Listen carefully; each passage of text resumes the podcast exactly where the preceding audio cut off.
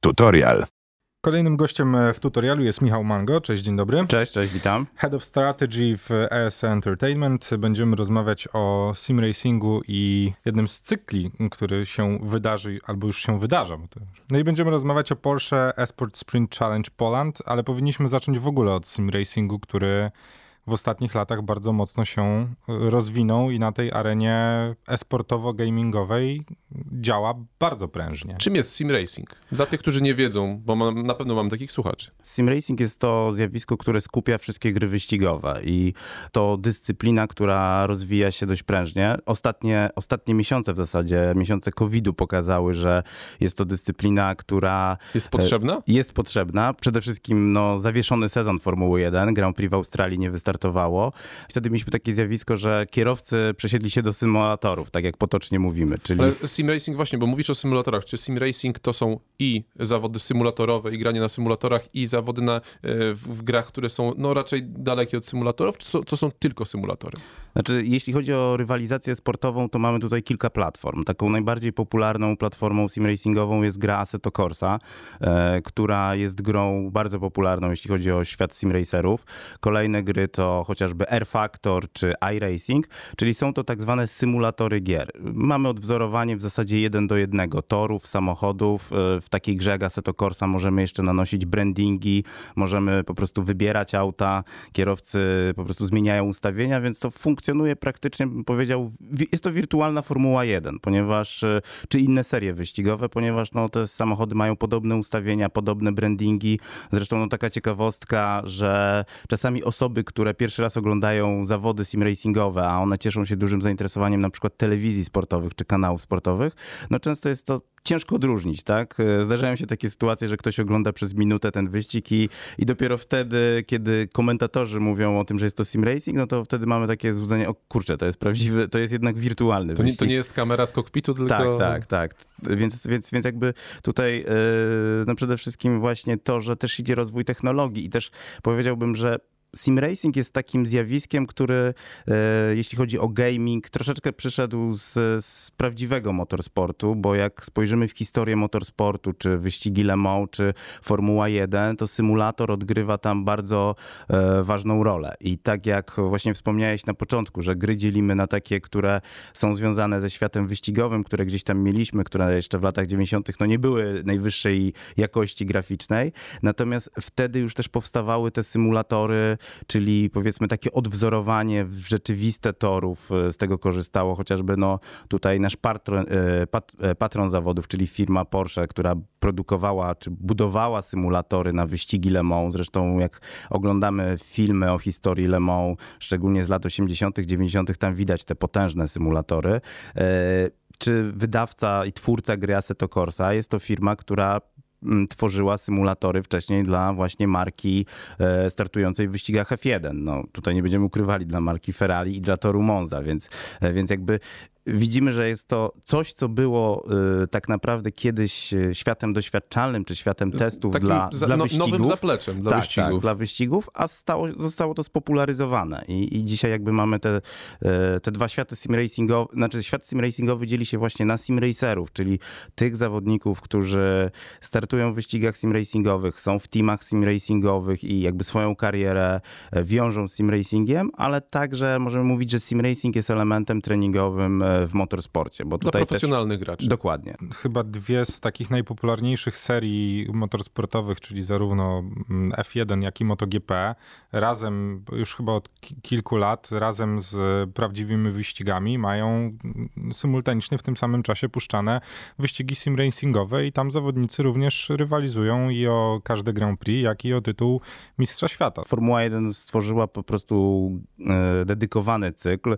W Formule 1 mamy taką sytuację jak w klasycznej Formule 1, czyli mamy zawodników, którzy startują w wyścigach, w seriach wyścigowych, no ale też na przykład warto podkreślić, że NASCAR uruchomił w tych czasach bardzo duży, prężny projekt, gdzie też e, bodajże pierwsze zawody, które były transmitowane w jednym z amerykańskich kanałów sportowych, one właśnie pobiły rekord oglądalności, ponieważ na żywo chyba 800 tysięcy osób oglądało wydarzenie sportowe, tak, więc to to, to są konkretne liczby. Jak ten świat sim racingowy zmieniły covidowe streamy? Dzisiaj możemy powiedzieć zarówno w skali globalnej, jak i nawet lokalnej, że właśnie czas covidowy, lockdown w seriach wyścigowych i w seriach rajdowych tak mówimy potocznie, że przyspieszył rozwój sim racingu jakieś 2-4 lata, tak? Od 2 do 4 lat, że to wszystko się zaczęło Czyli w dziać. pół roku nadbudowaliście Tak, tak. PR-owo. PR-owo. PR-owo też jeśli chodzi o zainteresowanie mediów, przede wszystkim stacji telewizyjnych e, i tak dalej. Natomiast też... Ale umówmy się, że to i tak prędzej czy później by się wydarzyło.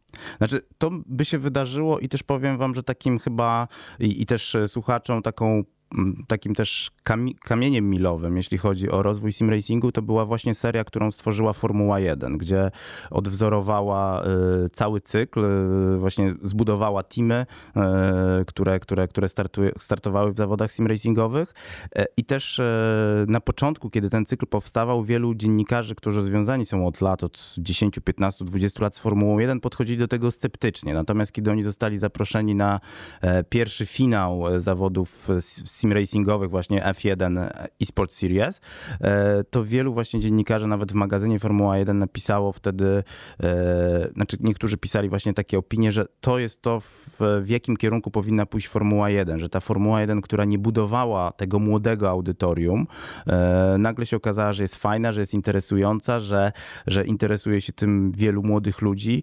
No zresztą taka ciekawostka, że w eliminacjach do, do pierwszego cyklu Formuły 1, który odbył się bodajże 4 lata temu, no wystartowało w skali globalnej około 150 tysięcy zawodników, ponieważ to było tak, że to była seria otwarta i każdy, kto miał czy platformę, czy, czy peceta i miał dostęp do gry właśnie ówczesnej Formuły 1, no to mógł startować po prostu w tej serii, więc, więc, więc to też pokazało, że to było ponad 100 tysięcy zawodników chyba z ponad 70 państw, więc jeśli zobaczymy, porównamy to z klasycznymi e-sportami, jak League of Legends czy Counter-Strike, gdzie jednak e, ten e, zasięg geograficzny nie jest tak duży, no to tutaj już możemy mówić o takim e-sporcie stricte globalnym i stricte masowym. Ale wspominałeś też o, wcześniej o wzorowaniu warunków i o tym, jak to wygląda już na torze i podczas gry.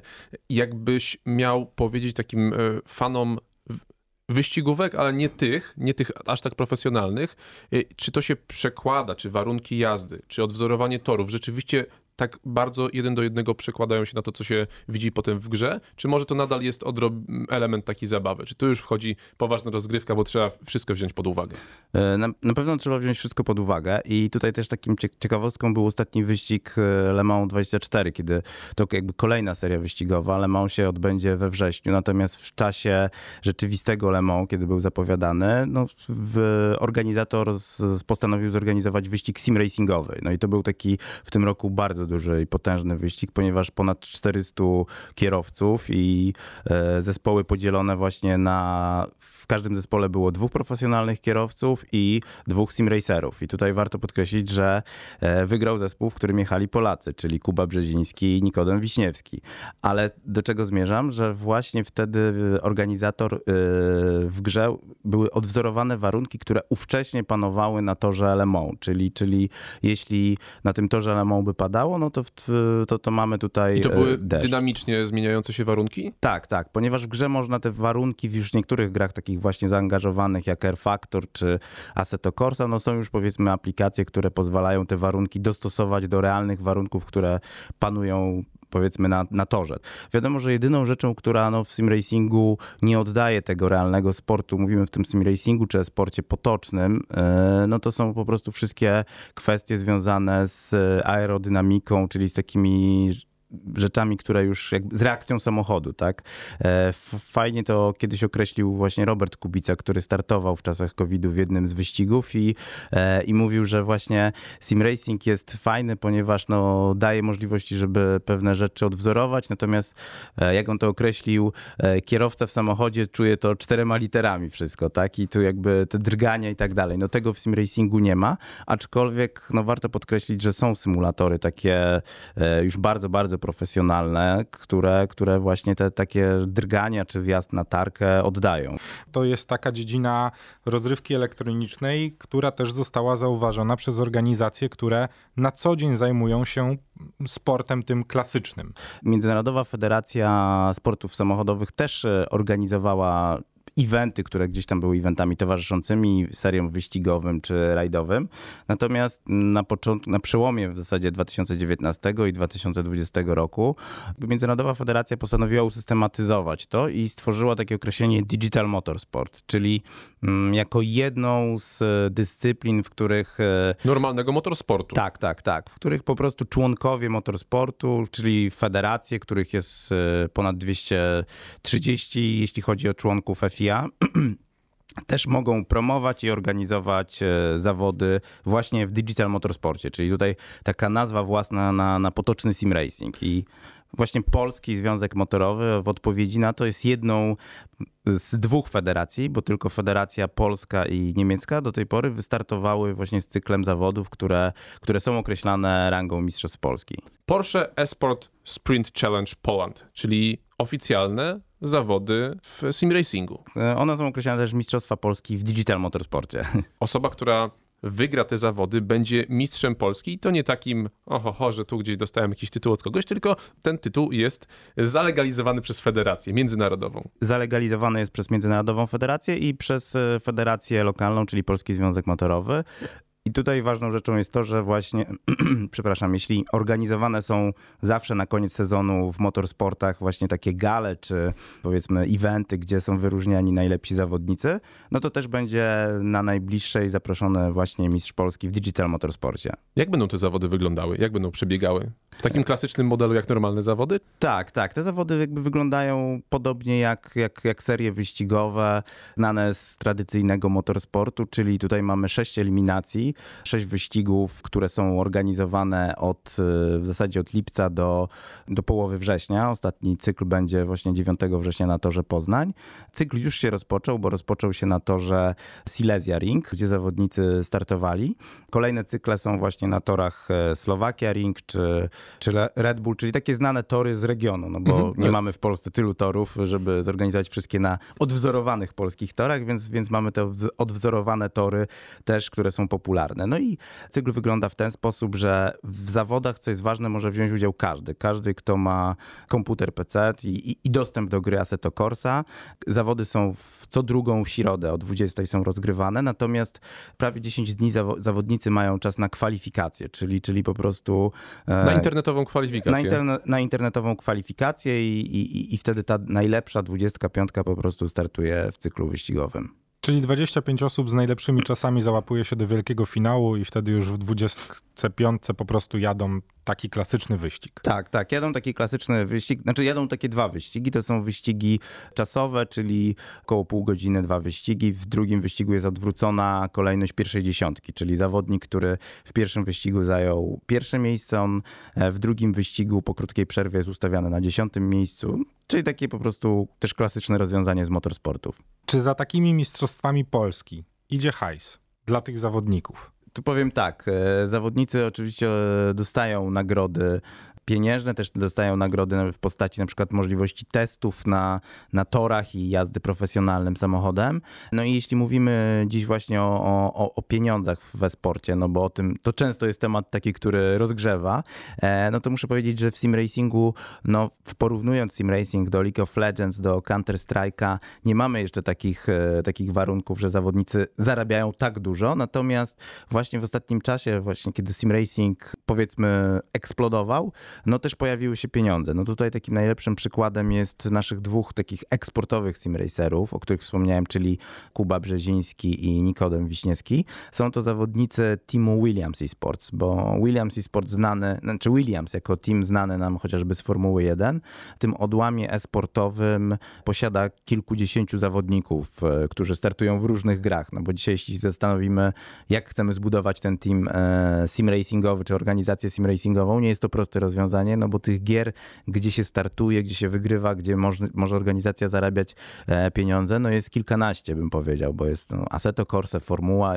1, jest R-Factor, Race Room, więc, więc na przykład taki zespół jak, jak e, Williams Esports ma około 15 zawodników, ale właśnie jak ostatnio rozmawiałem z Kubą, w tym momencie już jest też tak, że, że zawodnicy mają podstawowe pien- pieniądze, które dostają jak za kontrakt. Kontrakt z teamem, w kontrakt są. z teamem i oczywiście później też e, wynagrodzenia wynagrodzenie czy, czy, czy premię za, za osiągane sukcesy. Powiedz nam w takim razie, gdzie kolejna runda i gdzie możemy to obejrzeć? Jeśli chodzi o zawody właśnie związane z Mistrzostwami Polski Porsche, tak, to kolejna runda będzie rozgrywana na torze Salzburg-Ring w następną środę i to będzie tak, że możemy zawody obejrzeć na fanpage'u i YouTubie Polskiego Związku Motorowego, ale także tutaj w social mediach Eleven, kanału Eleven Sports, czyli, czyli kanału, który związany jest z klasycznym sportem i też z wyścigami samochodowymi, w tym Formułą 1 czy DTM-em. Zachęcamy w takim razie do obserwowania albo przynajmniej sprawdzenia, bo to naprawdę fajnie jest sobie obejrzeć e, takie zmagania w wirtualnym świecie, a nie tylko torowym. Michał Mango, ISE Entertainment był naszym gościem na antenie Radia Campus. Bardzo Ci dziękujemy. Dziękuję bardzo. Tutorial. Audycja o gamingu w Radio Campus.